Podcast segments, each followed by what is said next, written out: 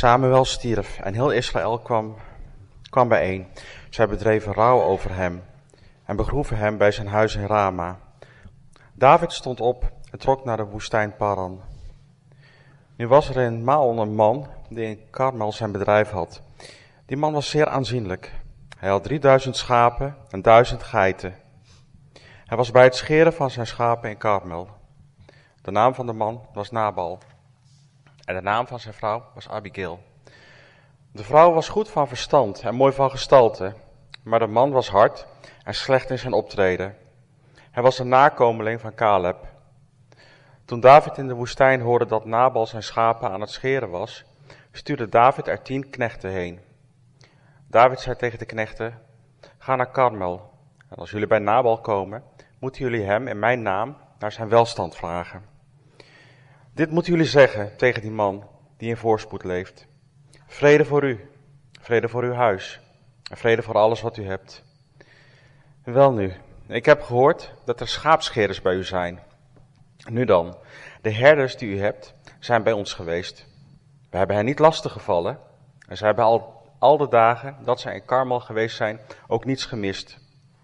Vraag het uw knechten en zij zullen het u vertellen. Laat deze knechten daarom genade vinden in uw ogen, want wij zijn gekomen op een goede dag. Geef toch uw dienaren en uw zoon David wat uw hand zal vinden. De knechten van David kwamen en spraken namens David overeenkomstig al die woorden tot Nabal. Toen zij zwegen, antwoordde Nabal de dienaren van David, wie is David? En wie is de zoon van Isaï? Er zijn vandaag de dag zoveel slaven die losbreken, ieder bij zijn heer vandaan. Zou ik dan mijn brood, mijn water en mijn vlees nemen, dat ik voor mijn schaapscherers geslacht heb, en zou ik het aan mannen geven van wie, van wie ik niet weet waar ze vandaan komen? Toen keerden de knechten van David om en gingen de weg terug. Ze kwamen bij David en vertelden hem overeenkomstig al deze woorden. David zei tegen zijn mannen, laat ieder zijn zwaard aangorden. Toen gorde ieder zijn zwaard aan en ook David gorde zijn zwaard aan. Ongeveer 400 man trok achter David aan en 200 bleven er bij de bagage. Maar een knecht uit het midden van de knechten vertelde dit aan Abigail, de vrouw van Nabal, en zei, zie, David heeft boden gestuurd uit de woestijn om onze Heer te groeten, maar hij is tegen hen uitgevaren. De mannen zijn echter erg goed voor ons geweest. We zijn niet lastiggevallen en we hebben alle dagen dat wij met hen omgingen toen wij op het veld waren, niets gemist. Toen wij de schapen weiden, zijn zij alle dagen dat wij bij hen waren, een muur om ons heen geweest, zowel s'nachts als overdag. Nu dan, besef dit en zie wat u doen kunt, want het kwaad is ten volle over onze Heer en heel zijn huis besloten. Hij is een verdorven man, met wie niet te praten valt. Toen haastte Abigail zich, zij nam 200 broden, twee zakken wijn vijf toebereide schapen, vijf maten geroosterd koren, honderd rozijnenkoeken en tweehonderd klompen vijgen. Hij legde dat alles op ezels. En zij zei tegen haar knechten, trek voor mij uit. Zie, ik kom achter jullie aan. Maar aan haar man Nabal vertelde zij het niet. Toen zij op de ezel reed en de berg afdaalde, door de bergwand aan het aangezicht ontrokken, zie, toen gebeurde het dat David en zijn mannen haar tegemoet kwamen en zij ontmoette hen. David had gezegd, werkelijk, ik heb voor niets alles bewaakt wat deze man in de woestijn heeft, zodat er niets gemist wordt van alles wat hij heeft. Hij heeft mij kwaad voor goed vergolden. God mag zo en nog veel erger doen met de vijanden van David als ik van alles wat hij heeft één man tot morgen overlaat. Toen Abigail David zag, aaste zij zich en kwam van de ezel af. Vervolgens wierp zij zich voor David op haar gezicht en boog zich ter aarde.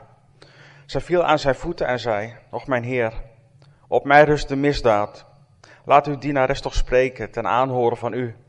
En luister naar de woorden van uw dienares. Laat mijn heer toch geen aandacht schenken aan deze verdorven man, aan Nabal. Want zoals zijn naam is, zo is hij. Nabal is zijn naam en er is dwaasheid in hem. Maar ik, uw dienares, heb de knechten van mijn Heer, die u gezonden hebt, niet gezien. En nu, mijn Heer, zo waar de Heere leeft en u zelf leeft, het is de Heere die u verhinderd heeft tot bloedschuld te komen. dat uw eigen hand uw verlossing schenken zou. En nu mogen uw vijanden en zij die kwaadwillend zijn tegenover mijn Heer worden als Nabal. Wel nu, dit is het geschenk dat uw dienares voor mijn Heer meegebracht heeft, opdat het gegeven zal worden aan de knechten die mijn Heer volgen. Vergeef toch uw dienares overtreding. Vergeef toch uw dienares de overtreding, want de Heere zal voor mijn Heer zeker een blijvend koningshuis maken, omdat mijn Heer de oorlogen van de Heer voert en er al, en er al uw levensdagen geen kwaad bij u gevonden is.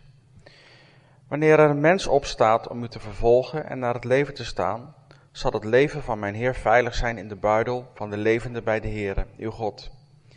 Het leven van uw vijanden echter zal hij wegslingeren, midden uit de holte van de slinger. En het zal gebeuren, wanneer de Heere aan mijn Heer zal doen, naar al het goede, dat hij over u gesproken heeft. En hij u aanstelt tot de vorst over Israël, dat dit dan voor u, mijn Heer, niet tot uw struikelblok of tot aanstoot voor uw hart zal zijn, dat u namelijk zonder reden bloed vergoten hebt, en dat mijn Heer zichzelf verlossing geschonken heeft. Maar wanneer de Heere mijn Heer wel gedaan heeft, denk dan aan uw dienares. Toen zei David tegen Abigail, gezegend zij de Heere, de God van Israël, die u tot op deze dag mij tegemoet gezonden heeft.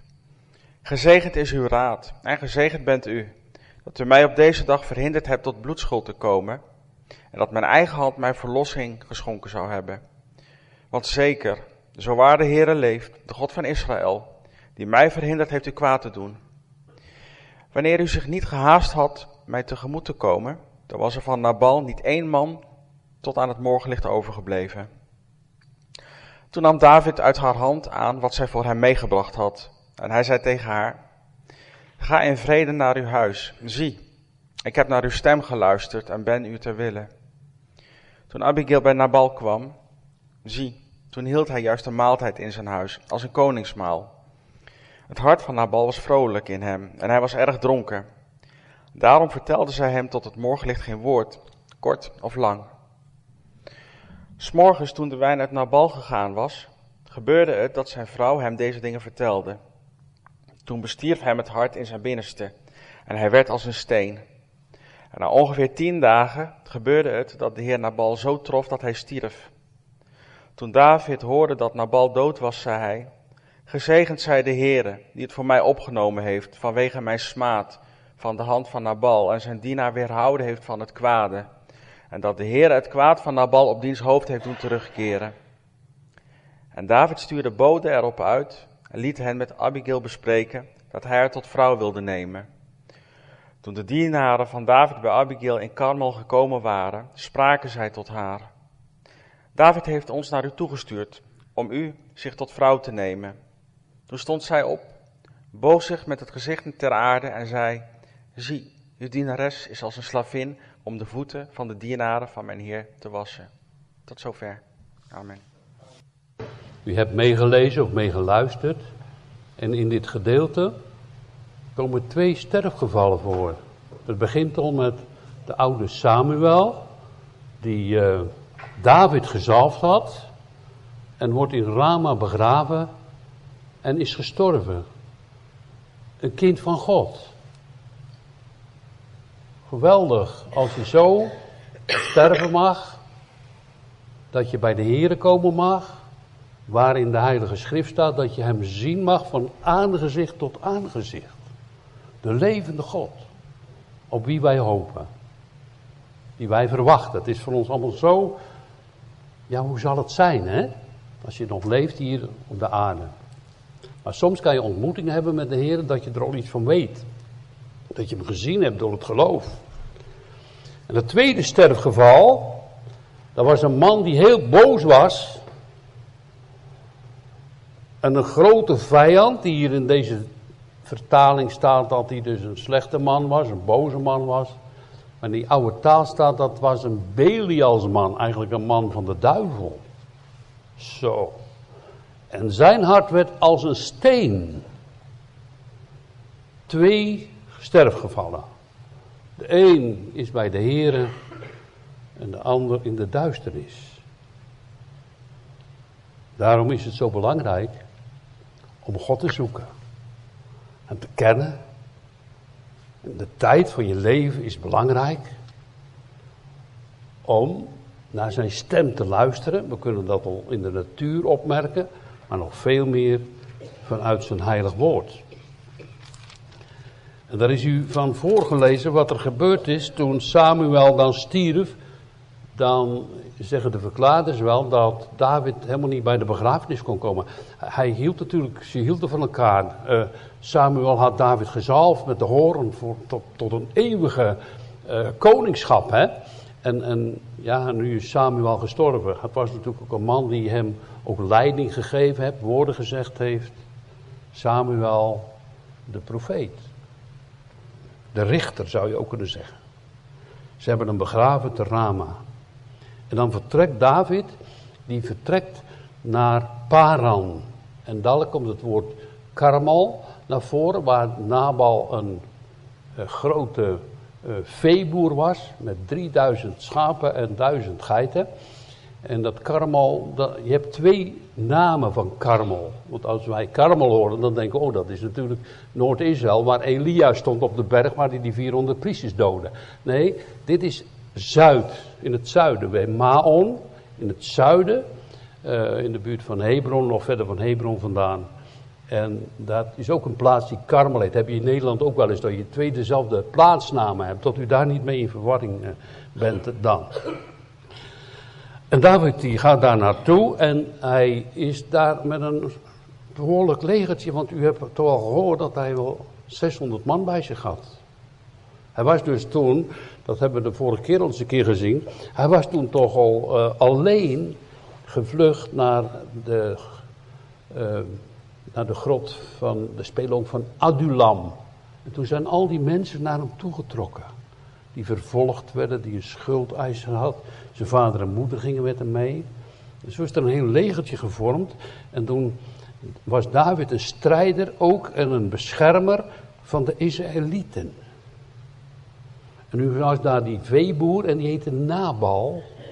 En die Nabal, dat was een Kalabiet. Weet je wat dat betekent, een Kalabiet? Hij was dus een nakomeling van Caleb. En Caleb en Joshua waren verspieders om het land, om het land Israël te verspieden in Jericho. En die zijn in Jericho gegaan en die hebben daar de reuzen gezien. En toen komen ze met, met tien mannen komen ze terug. En toen zeggen al die mensen, behalve Jozua en Caleb, we kunnen echt het land niet in. Dat is veel te sterk. Ze waren ongelovig. En toen hebben ze nog veertig jaar door de woestijn moest, moeten zwerven. Behalve Jozua en Caleb. Die zijn ook blijven leven al die jaren. Die geloofden wel dat God machtig was. Om de vijanden van Israël weg te doen. En het volk uit het land te verdrijven naar de belofte van Abraham, Isaac en Jacob. Die Caleb had dus families. En dat is niet vanzelfsprekend. Gisteren is er een neef van ons begraven. Er waren heel veel kleinkinderen. En dan heb je daar die families uh, zo. En er stonden heel veel jonge mensen. En toen in die kerkdienst heb ik gebeden: O God, gedenk het nageslacht van mijn oude opa Pols. Daar stonden ze. Dat doet God soms ook. En dat is goed om dat te bidden. Maar dat is niet een vanzelfsprekendheid. Want hier bij deze Nabal, zijn vader was een Ka Kalabiet. Hij was een Kalabiet, dus een afstammeling van Caleb. Maar het is niet vanzelfsprekend dat je vader en je moeder een gelovige waren. Dat jij dat dan vanzelfsprekend ook bent. Dat is niet vanzelfsprekend. Het is een persoonlijk geloof. Maar God wil wel door de geslachten heen werken. Maar ook een persoonlijk geloof. Dus deze Nabal, daar staat van geschreven dat hij een hardvochtige man was. Een Belialsman.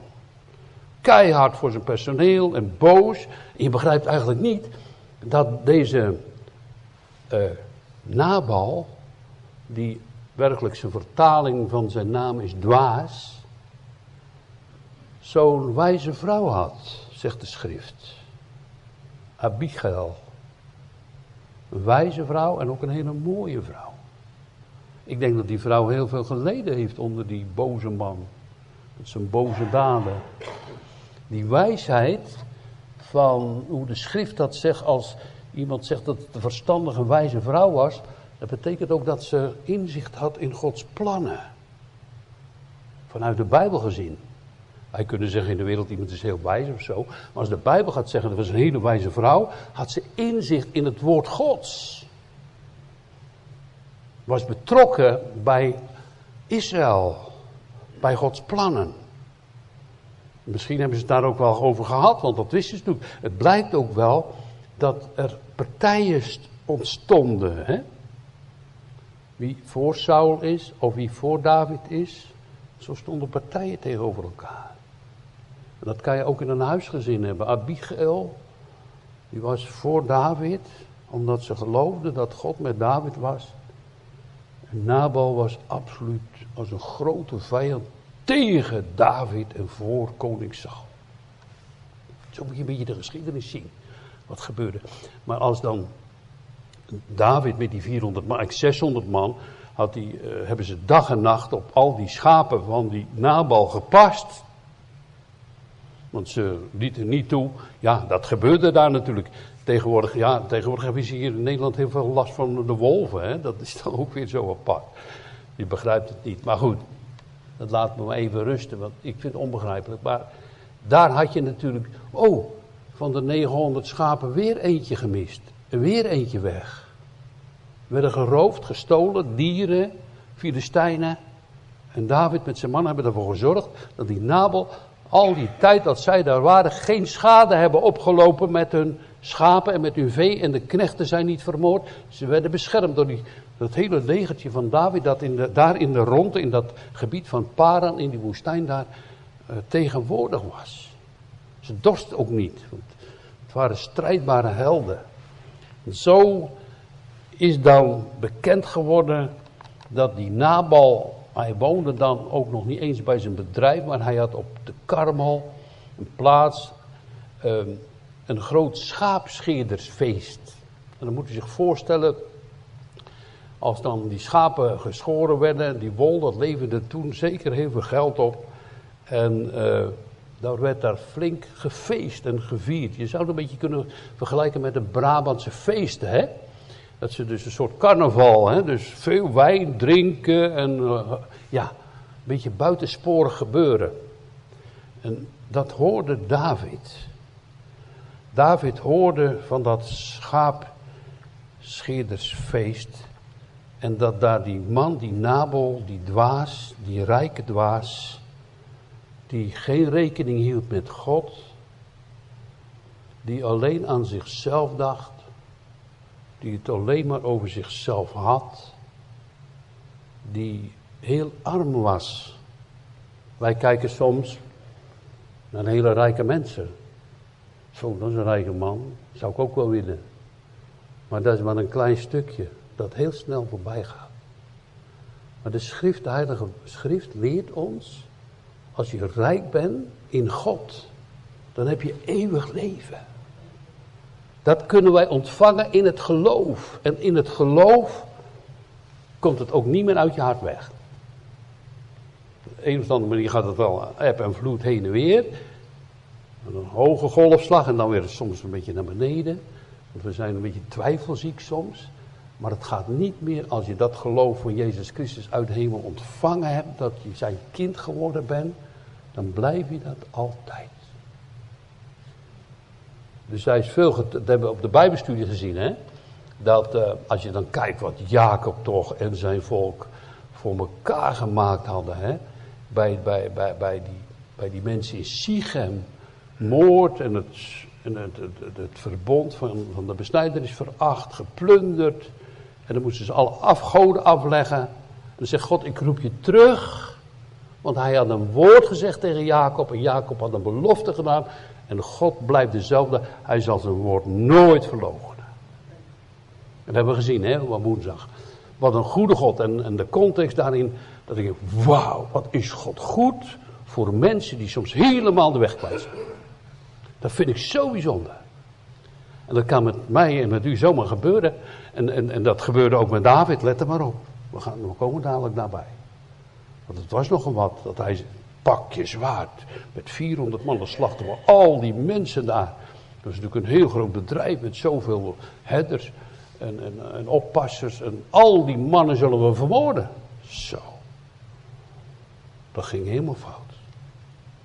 Nou ja, dat schaapschedersfeest, daar dacht David wel van om dan ook met zijn mannen eens een keer een hele goede maaltijd van Nabel te mogen ontvangen. Want ze hadden dat hele seizoen daarop gepast en gezorgd dat er geen één schaapje gestolen werd. Ze hebben gezorgd dat er niemand van die knechten vermoord werd. Dat werd ook later gezegd. Dus hij stuurt daar tien mannen naartoe. Tien van die jonge mannen uit zijn groep. Gaan jullie nou eens naar Nabel toe. En vraag nou eens of er nou iets te eten is, ook op dat schaapscheerdersfeest. Voor ons en voor mij, zegt hij er zo bij. Want ja, we hebben het een beetje toch zoveel voor hen gedaan. Dat mag toch ook wel iets tegenover staan. Nou, daar gaan die mannen, hè, en u hebt het horen voorlezen, dat uh, die mannen dus. Uh, wel nu, ik heb gehoord dat er een schaapschiddersfeest bij u is. Nu dan, de herders die u hebt bij ons, zijn bij ons geweest. We hebben hen niet lastiggevallen. We waren alle dagen bij hen. En dan, uh, dan antwoordt Nabal. De dienaren van David. Wie is David? En wie is de zoon van Isaï? Blijkt dus wel dat hij hem kende. Maar met andere woorden, ik wil met hem helemaal niets te maken hebben. Dan moet u, hier mag u best wel vergelijkingen gaan maken. Dat David een type is van Jezus Christus. Hoeveel mensen zeggen niet: Wie is Jezus? Wat heb ik met hem te maken? Weg met hem. Hallo. We leven en bewegen ons door hem. Hij is de King of Kings. Heeft alle macht in de hemel en de aarde. En zo'n gedrag om hem werkelijk als het ware weg te gooien kan je nog soms heel vroom zijn, want ik doe het heel goed mijn best in Gods wetten te onderhouden. Kom er dadelijk nog een keer op terug aan het eind van de dienst. Maar zonder Jezus hebben wij geleerd, en ik hoop ook u, is geen leven. Zeker ook geen eeuwig leven. Met Hem is het leven. Is vrede. We zongen het niet voor niets. Kom, dat kon Nabel ook, hè? Maar hij wilde niet. Hij was heel boos, een uh, dronkaard, en zich steeds in wijn en overdaad, zich bedwelmt. In die wereld wordt hij dadelijk als een steen.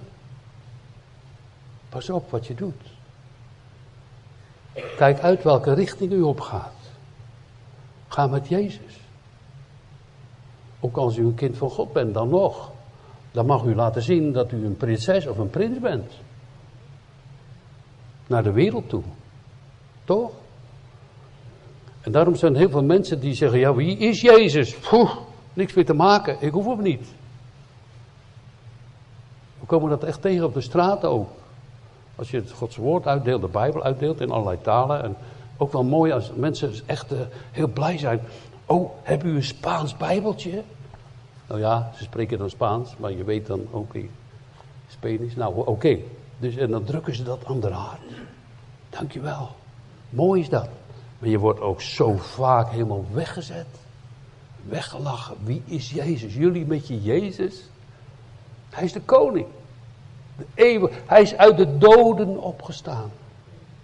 Hij leeft voor eeuwig. Hij heeft het hele plan van zijn vader, die de vader heeft uitgedacht, vervuld. Als je spreekt over Allah in de Arabische taal, God, Almachtige God, gaf zijn zoon. Al zo lief had God de wereld dat hij zijn enige geboren zoon gegeven heeft, opdat wij zullen geloven en niet zullen verderven, niet vervloekt zullen worden. Net als die nabel als een steen zullen worden. Dat, dat is de oproep, ook vanmorgen. Kom tot mij, zegt hij, alle die vermoeid en belast zijn, ik zal rust geven voor uw ziel. Verlaat de slechtigheden en kom tot mij. Dat is de oproep, ook vanmorgen voor ons. En dan zegt hij, wie is, uh, wie is David? Er zijn vandaag zoveel, die, de, de dag zoveel slaven die losbreken, ieder bij zijn eigen heer vandaan. Dus bij Saul ben je weggelopen. Nee, hij is weggestuurd. Hij is vervolgd geworden. Dat zegt dadelijk Abigail. En dan roept die Nabal, die hoogmoedige man, het uit. Zou ik mijn brood, mijn vlees en mijn water. Mijn? Ja. Dus dat, zegt de wereld.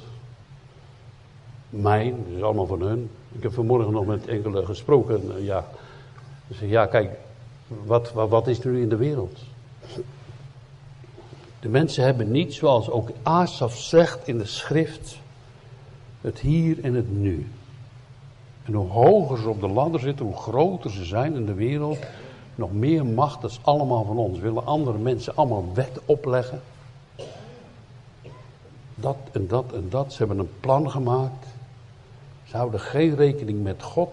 Maar ik zeg u, als je een kind van God bent, dan hoor je niet in deze wereld thuis. Dan ben je een vreemdeling. Wist je dat? Abraham zei het zelf.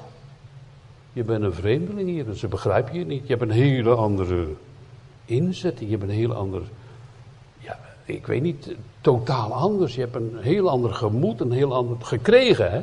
Je hebt een heel ander hart gekregen en je mag zien wie hij is en je mag in hem geloven. Mensen, daar moeten we elkaar toe oproepen.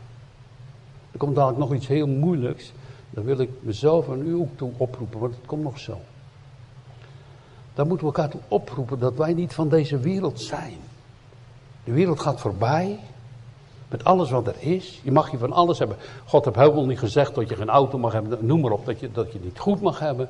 Maar is dat nu alles? Voor mij niet. U bent voor mij alles. Dus eeuwig leven. Daar word je blij van. Als hij je tegemoet komt. Als hij laat merken dat hij van je houdt. Als je mag zien wat hij allemaal voor jou gedaan heeft. Dat is dus het type waar David eigenlijk ook een voorbeeld van zou moeten zijn. Ja, dat ging natuurlijk helemaal mis. Nou ja, die jongens die komen terug. En die gaan dat vertellen aan David. Die knechten keerden terug en ze komen bij David. En dan wordt David toch woedend. We hebben daar de hele seizoen hebben opgepast. Die man die heeft zoveel eten en goederen, gunt ons nog helemaal niets. Pak je zwaard. Nou, daar gaan ze. 400 man. Het zwaard erbij. Dan zullen we ze afslachten. Zou Jezus dat ook doen? Nee. Toen de discipelen langs Samaria liepen met de Heer Jezus had je twee van die mannen, dat waren zonen van Zebedeus. Je heette Johannes en Jacobus. Eén wordt nog genoemd de apostel van de liefde. Hè? En dan lopen ze langs Samaria en die Samaritanen, die zagen ze aankomen en die gooien de deuren van de stad dicht. Komen er niet in. Nou zegt Jacobus en Johannes, zullen we vuur van de hemel bidden? Dat ze verteerd worden? Jezus zegt, jullie weten niet met welke geest je bezig bent. Jullie weten niet, er worden ze uh, Boanerges mannen genoemd, zonen des donders. Kan zomaar, kinderen van God, hè, kan zo in je hart opkomen, die boosheid. Die, we zijn, hebben ook een tweemens. De oude en de nieuwe mens is een strijd. Gelukkig. Als uh, hier, dat is mooi van God, zegt later aan Michael ook als God ze gewoon niet doet. Als je stem hoort, als je zo woedend bent en boos bent. En dat iemand dan tegen je zegt niet doen. Misschien heb je dit dan toch nog wel gedaan. En ik ken nu een voorbeeld noemen, ga ik niet doen. Maar waar iemand riep, een oude man, hij is gestorven. Hij is bij de Heer.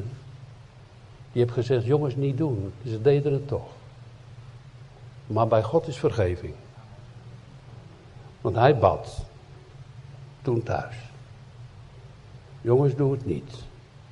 En God heeft gezorgd dat ze in zo'n strijd niet om het leven kwamen. Wauw. Echt zo. Zoiets, hè? Hier ook. Want dat gaat gebeuren, hè? Want die Kalabiet waren natuurlijk ook Israëli's. Hij zou dus zijn eigen volk afslachten. Heeft hij het nooit gedaan. Altijd de vijanden aangevallen, maar nooit in zijn eigen. nu staat hij op het punt. En zo kan het met ons ook gaan. Hè? Je kan dus eh, op heel veel punten dat je helemaal denkt, ik zit daar best wel goed mee. En soms valt er iets op je af. Uh, ja, dat wordt voor mij, als ik nu even over mezelf praat, heb ik allemaal niet zoveel zin. Het gaat over het voorbeeld. Nou, dan uh, kan je dus zeggen, nou ja, ik ben wel een beetje nederig, nou goed, ik wil daar absoluut niet in roemen. Maar dan kan dat soms een ene keer uh, mensen naar je toe komen, zo wat zie jij dan op voor je leeftijd nog goed uit. En dat is zo, dat je ene keer toch heel wat trots wordt. Ik denk, dat moet ik niet doen. Want zo val je. Je bent maar stof en Abraham. Laat het. Ik, ik bid tot u terwijl ik stof en as ben. Weet je? En, en, toen, toen uh, Simpson met die kinderbak duizend versloeg, ging die roemen, kijk, ik heb bij die kinderbak duizend verslagen. En dan God laat hem los en hij zakt in zijn pudding. Dus doe het maar niet, zeg ik dan tegen mezelf. Vraag vergeving over je hoogmoedige gedachte dat jij nog misschien iets kan doen. Het is, het is niks. Onze kracht is van Hem. Op de Areopagus hebben we toch gepredikt. Onze adem is van Hem. Hij is kort bij ons. Hij geeft ons alles. Hij is onze God. Door wie wij bewegen en leven.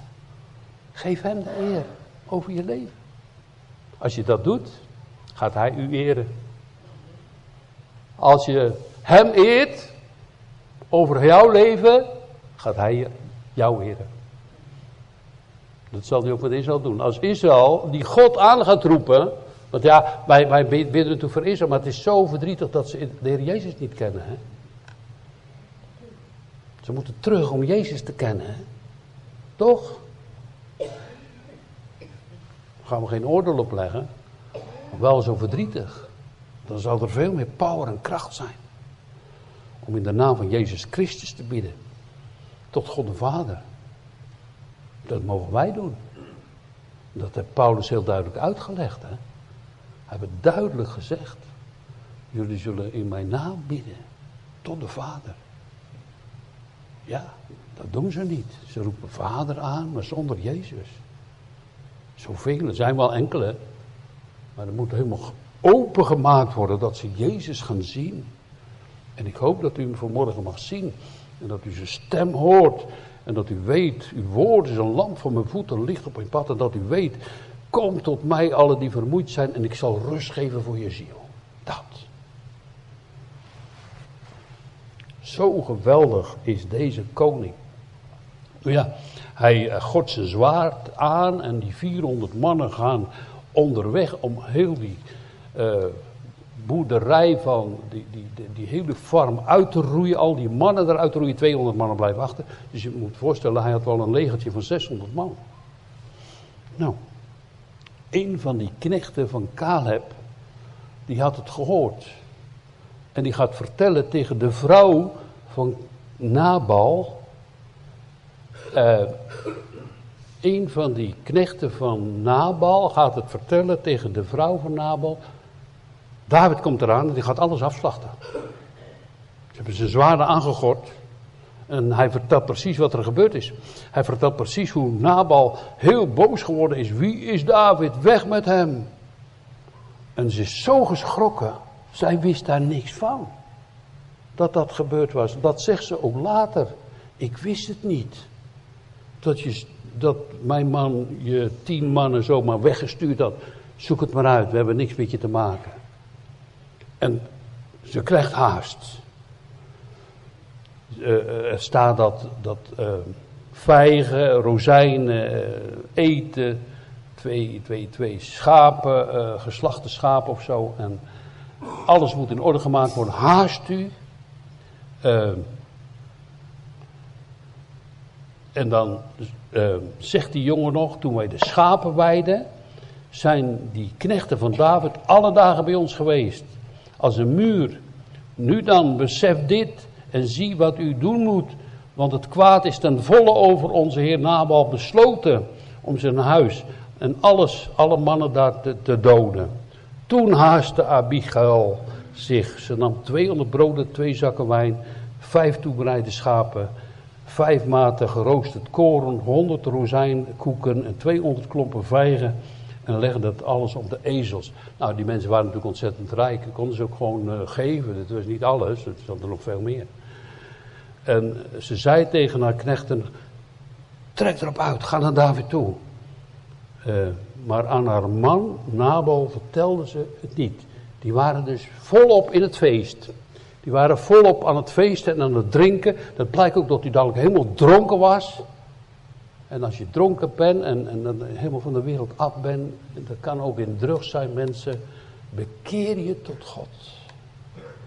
De duivel houdt je bezig. Ja, ze rijdt op die ezel af. Uh, even kijken, en dan, het is een heel verhaal. En toen zij op de ezel reed en de berg afdaalde, uh, wist haar man daar niet van af. Toen Abigail dan David zag, haastte zij zich. Ze komt van de ezel af, wierp zich voor het aangezicht van David neer en boog ter aarde. En ze viel aan zijn voeten. En dan gaat ze iets zeggen wat ik heel opmerkelijk vind. En wat ik eigenlijk met u wil delen. En dat, ik vind een hele les. Uh, ik heb dat ooit wel eens een paar keer mogen beoefenen, maar ik vind het wel heel moeilijk. En ik ga dat u vertellen. Want wat zegt zij? U moet even weten, ze gaat dus naar David toe. Ze wist van dat hele plan van haar man niet, niets af. Ze wist ook niet dat die jongens weggestuurd zijn. Die knecht heeft het later verteld. En dan komt ze naar David toe. En dan gaat ze iets zeggen. Goed opletten. Uh, ze viel aan zijn voeten. Och, mijn heer. Hij wordt de koning, dat geloofden ze. Op mij rust de misdaad. Mij rust de misdaad. Jij hebt toch niks gedaan aan Michael? Jij hebt toch recht van spreken? Jij hebt toch niet op mij rust de misdaad? Dat is wat? Op mij rust de misdaad. Er is, gaan we een voorbeeld nemen. Er is iemand heel boos op u. En dan zegt dat en dat heb jij gedaan. Maar je weet van je eigen en het is nog een broeder ook. En je weet van jezelf. Dat is niet waar wat hij zegt. Ik heb er geen schuld aan. Maar ja, dan heb je een conflict. Je hebt ruzie. Twee botsende partijen. David en Nabal. En dan komt Abigail. En die zegt, ik heb het fout gedaan. Nee, ze hebben helemaal niks fout gedaan. Wat doet ze? Ze gaat winst maken ze geeft eigenlijk haar, terwijl ze gelijk heeft, ongelijk. Dat hoort natuurlijk wel bij die man, de familie. Mij is de misdaad. Als je het zo doet, ik zal u vertellen, ik heb het twee keer meegemaakt in mijn leven. Als je het zo doet, dat je zegt, ik heb echt geen schuld, ik weet zeker dat ik geen schuld heb. Maar goed, ik neem de schuld op mij om die ander te gewinnen. Om die ander weer terug te ervaren als een broeder. Zo. Dat is heel moeilijk hoor. Want we hebben allemaal gelijk. Ja, dat is niet waar, dat, dat, dat. Als je die andere wil winnen, moet je soms zo laag buigen. Dan moet je zeggen, ja, ik was fout. Misschien was je helemaal niet fout, maar dan is die, die, die broeder is weer jouw broeder geworden. Oefen dat is in het leven om uh, de weg, dat is de weg die Jezus volgde. Jezus zei toch, van hem staat toch dat hij geen schuld heeft? Dat hij geen zonde heeft?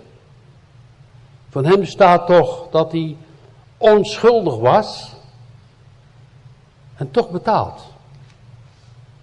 Al die misdaden van mij en van u zijn op hem. Zou hem nog niet lief hebben? Zou hem nog niet zoeken? al uw zonden worden gereinigd door het zuivere bloed van Jezus Christus, de Zoon van God, omdat Hij voor ons aan het kruis hing. Zou je hem nog niet lief hebben? Is wat? Dat is een beetje een type zij van, omdat het een hele verstandige vrouw was, ook in geestelijk opzicht, dat ze deze woorden kon zeggen. Mij is de misdaad. Ja, natuurlijk helemaal niet. Ze was helemaal nergens schuldig aan. Maar ze zei het om de ander te gewinnen. En dan volgt het hele verhaal uh, uh, in. Uh, en luister naar de woorden van uw dienares. Laat mijn Heer toch. En dan gaat ze toch iets zeggen. Ze, is, ze zegt dit en ze onderwijst ook. Kijk maar. Laat mijn Heer toch geen aandacht schenken aan deze verdorven man Nabal. Zoals zijn naam is, zo is Nabal is de naam is dwaasheid. Het is een Belials man, een man uit van de duivel. Maar ik, uw dienares, heb de knechten van mijn Heer, die u gezonden hebt, niet gezien. Dus ik wist er niks van. En nu, mijn Heer, zo waarachtig als God de Heer leeft en u zelf leeft, het is de Heere die u verhinderd heeft tot bloedschuld te komen en dat uw eigen hand uw verlossing schenken zou. En nu mogen uw vijanden en zij die kwaadwillend zijn tegen over mijn Heer worden als Nabal zo. Dus ze zegt eigenlijk, ja, ik ben naar je toegekomen met dat voedsel. Ik heb gezegd, ja, mij is de misdaad. Maar God heb je tegengehouden. Waarom? Als David met dat zwaard die hele uh, boerderijmannen allemaal uitgemoord zou hebben, dan had hij eigenlijk geen koning kunnen zijn. Want hij, dan zouden ze zeggen, ja maar kijken, hebt daar Israëlieten toch vermoord? En God heeft gezegd, ho, dat zegt Abigail. Ze deed het zelf en ze zegt, God deed dit. Die heb je tegengehouden. Dat je dat niet doet. In al je boosheid. Wauw. We denken nu ook, het gaat misschien ook door uw gedachten heen als u thuis bent of in de auto zit of wat, aan Israël, aan die oorlog toch? Heer, alstublieft, wil u zo weer wijze mensen geven als Abigail? Die woorden zullen zeggen en plannen zullen maken omdat er weer vrede komt? Toch? Ja, wat een wijze vrouw. Het was ook een hele mooie vrouw. Een wijze vrouw, zegt de Bijbel eerst, en dan ook nog een hele schone, mooie vrouw. Ja, en uh, mogen uw vijanden en zij die kwaadwillig zijn tegenover mijn Heer, worden als Nabal. Wel nu, dit is het geschenk. Dus dan worden die uh, goederen gegeven, dat eten wordt gegeven. En vergeef toch uw dienares de overtreding. Want de Heere zal voor mijn Heer zeker een blijvend koningshuis maken. Omdat mijn Heer de oorlogen van de Heere voert. En al uw levensdagen geen kwaad bij u gevonden is. Nou, bij de Heer Jezus zeker niet. En bij de Heer Jezus zou zeker niet gedaan hebben als David. Want die heeft, als hij geslagen werd, deed niets. Als hij geschonden wordt, schold hij niet terug. Het speeksel liep van zijn gezicht af. Van wie? Van de. Van de kerk zouden wij zeggen in die dagen. Van de grote kerk van het Sanhedrin, de 70 plus 1. Die hem daarvoor oordelen. En die hebben hem gekastijd en overgegeven tot het kruis. En maar gelukkig dat gebeurd is. Weet je wat die Joden riepen? Hè? Weet je wat ze riepen? Uw bloed komen over ons en over onze kinderen. Als je dat goed gaat zien, zeg dank u wel. Het bloed van u over mij en over onze kinderen tot reiniging, vergeving. En hebben dat natuurlijk totaal anders opgevat. Ze hadden natuurlijk gezegd van de straf over het bloed. Nee, maar het bloed van u over mij en over u. Over ons allen. Tot leven en tot geloof. In Jezus' naam heel apart. Wat er toen gebeurde. Kijk, die man, die was dronken. En Abigail gaat naar huis toe en heeft niks verteld. Maar de andere dag heeft ze het verteld. Wat ze gedaan had. En toen werd het hart van die man als een steen. Hij was zo woedend. Pum, als een steen. Even later is hij gestorven. Staat dat God hem eigenlijk met zijn toren uit het leven wegdrukte. En toen was zij natuurlijk een, een weduwe geworden. Maar ik vind het wel een beetje apart, want als je dus weduwe bent, ja, doe je rouwkleren aan. En, maar dat je dan weduwe bent en dan de ene of de andere dag gelijk weer met David gaat trouwen, is toch wel een beetje apart, ook niet? Dat gebeurde. Want David laat toen Nabal zijn, uh, gestorven was en die vrouw dus weduwe geworden was, liet David een paar knechten naar haar toe gaan om haar als vrouw te nemen. En daar gaat ze direct op in en ze was gelijk weer getrouwd met David. En David was een vrij man, want de vrouw die hij van Saul zou krijgen, die werd aan een ander gegeven. Dus hij was eigenlijk nog een ongetrouwde man op dat moment. Later hebben ze natuurlijk heel veel, met David heel veel ook meegemaakt. En zo roept de Heer Jezus ons ook. En dat heeft de apostel Paulus ons uitgelegd in Romeinen 7. Dat ga ik met u lezen. Hier nog even opgeschreven voor de duidelijkheid. Want een vrouw die onder de man staat, dus getrouwd is, is verbonden aan de levende man. Door de wet. Maar als die man gestorven is, zo is ze vrijgemaakt van de wet van haar man. Ze is dus vrij. Maar ja, om dan gelijk te trouwen. Kijk, en hier wordt dus in de uitleg van de. Misschien voor sommigen te moeilijk, u mag daar zeker vragen over stellen. Maar er zijn heel veel mensen die willen door de wet zalig worden. Goede werken te doen. Kijk eens wat ik allemaal gedaan heb. Hebben daar nog geloof in ook. En dat is heel goed om heel goede dingen te doen. Maar daar word je niet door zalig.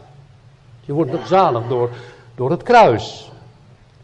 En u kan bijvoorbeeld zeggen, oh wat heb ik lekker eten gemaakt, dan ben ik daardoor zalig. Nee, u bent zalig door het bloed van Jezus Christus, toch? Amen?